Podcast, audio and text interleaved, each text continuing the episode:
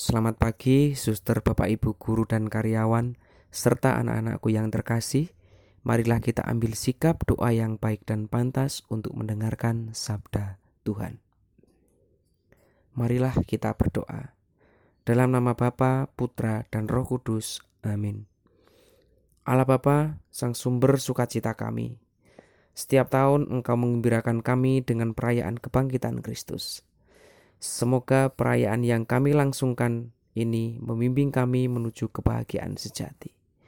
Maka dari itu bersabdalah Tuhan umatmu mendengarkan. Inilah Injil Yesus Kristus menurut Lukas. Dimuliakanlah Tuhan. Pada hari sabat sesudah Yesus dimakamkan, dua orang murid-murid Yesus pergi ke sebuah kampung bernama Emmaus yang terletak kira-kira tujuh mil jauhnya dari Yerusalem. Dan mereka bercakap-cakap tentang segala sesuatu yang telah terjadi. Ketika mereka sedang bercakap-cakap dan bertukar pikiran, datanglah Yesus sendiri mendekati mereka, lalu berjalan bersama-sama dengan mereka. Tetapi ada sesuatu yang menghalangi mata mereka, sehingga mereka tidak dapat mengenali Dia. Yesus berkata kepada mereka, "Apakah yang kamu percakapkan sementara kamu berjalan?" Maka berhentilah mereka dengan muka muram. Seseorang dari mereka namanya Kleopas menjawabnya, "Adakah engkau satu-satunya orang asing Yerusalem yang tidak tahu apa yang terjadi di situ pada hari-hari belakangan ini?" Katanya kepada mereka, "Apakah itu?" Jawab mereka, "Apa yang terjadi dengan Yesus orang Nazaret? Dia adalah seorang nabi yang berkuasa dalam pekerjaan dan perkataan di hadapan Allah dan di depan seluruh bangsa kami. Tetapi imam-imam kepala dan pemimpin-pemimpin kami telah menyerahkan dia untuk dihukum mati, dan mereka telah menyelapkannya. Padahal kami dahulu mengharapkan bahwa Dia yang datang untuk membebaskan bangsa Israel. Tetapi sementara itu telah lewat hari ketiga sejak semuanya itu terjadi. Dan beberapa perempuan dari kalangan kami telah mengejutkan kami. Yaitu pagi-pagi buta mereka telah pergi ke kubur dan tidak menemukan mayatnya. Lalu mereka datang dengan berita bahwa telah kelihatan kepada mereka malaikat-malaikat yang mengatakan bahwa Yesus hidup. Dan beberapa teman kami telah pergi ke kubur itu dan mendapati bahwa memang benar yang dikatakan perempuan-perempuan itu. Tetapi Yesus sendiri tidak melihat mereka.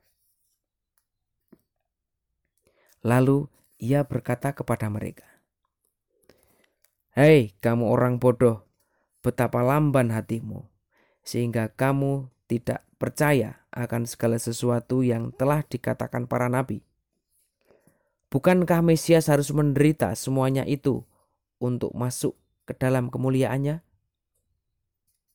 Lalu ia menjelaskan kepada mereka apa yang tertulis tentang dia dalam seluruh kitab suci, mulai dari kitab-kitab Musa dan segala kitab-kitab nabi. Sementara itu mereka mendekati kampung yang mereka tuju. Ia berbuat seolah-olah hendak meneruskan perjalanannya. Tetapi mereka mendesaknya dengan sangat. Tinggallah bersama-sama dengan kami, sebab hari telah menjelang malam dan matahari hampir terbenam. Lalu masuklah ia untuk tinggal bersama-sama dengan mereka. Waktu duduk makan dengan mereka, ia mengambil roti mengucap berkat, lalu memecahkan roti-roti itu dan memberikannya kepada mereka. Ketika itu terbukalah mata mereka, dan mereka pun mengenali Dia.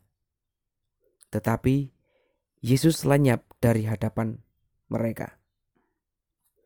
Kata mereka seorang kepada yang lain, "Bukankah hati kita berkobar-kobar ketika Ia berbicara dengan kita di tengah jalan?" Dan ketika ia menerangkan kitab suci kepada kita, Lalu bangunlah mereka dan langsung kembali ke Yerusalem. Di situ mereka mendapati kesebelas murid. Mereka sedang berkumpul bersama teman-teman mereka. Kata mereka kepada kedua murid itu, "Sungguh, Tuhan telah bangkit dan telah menampakkan diri kepada Simon."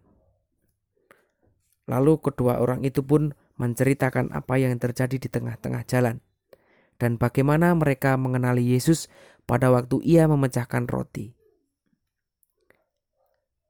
Demikianlah Injil Tuhan. Terpujilah Kristus. Suster, Bapak Ibu yang terkasih, dalam bacaan tadi dua murid menuju Emmaus baru mengenal Yesus saat ia memecahkan roti. Sepanjang jalan Yesus menyertai mereka, bercakap-cakap dengan mereka, dan menerangkan arti kitab suci kepada mereka. Tetapi mereka tidak mengenalnya. Semuanya tampak seperti persiapan untuk sampai pada puncaknya, yaitu mengenal Dia saat Ia memecahkan roti. Suster, Bapak, Ibu, dan anak-anak terkasih, begitu juga dalam perayaan Ekaristi. Kita juga disiapkan dan dibimbing dari awal perayaan sampai pada puncak perayaan, yaitu menyambut tubuh dan darah Kristus. Di mana kita dapat mengenali Dia dalam rupa roti dan anggur. Nah, oleh karena itu, mari kita refleksikan bersama. Kita ingat-ingat kembali, apakah sebelum perayaan Ekaristi sampai berakhirnya perayaan Ekaristi, apakah kita sudah benar-benar menyiapkan hati kita untuk mengenali Yesus? Ataukah kita ke gereja mengikuti perayaan Ekaristi hanya sebuah formalitas saja? Oleh karena itu, semoga hari-hari ke depan kita semakin mendekatkan diri dengan Tuhan, semakin mengenali Allah, supaya hidup kita diselamatkan. Amin. Marilah kita berdoa. Tuhan Yesus, kami berterima kasih atas segala penyertaan-Mu sepanjang hidup kami. Engkau selalu mendampingi perjalanan hidup kami sampai pada hari ini. Ulurkanlah tangan kasih-Mu senantiasa. Kurasakan untuk mengarungi kehidupan ini. Semoga hati yang bersemangat memperteguh iman kami untuk semakin mengenali Engkau. Amin. Dalam nama Bapa, Putra, dan Roh Kudus. Amin.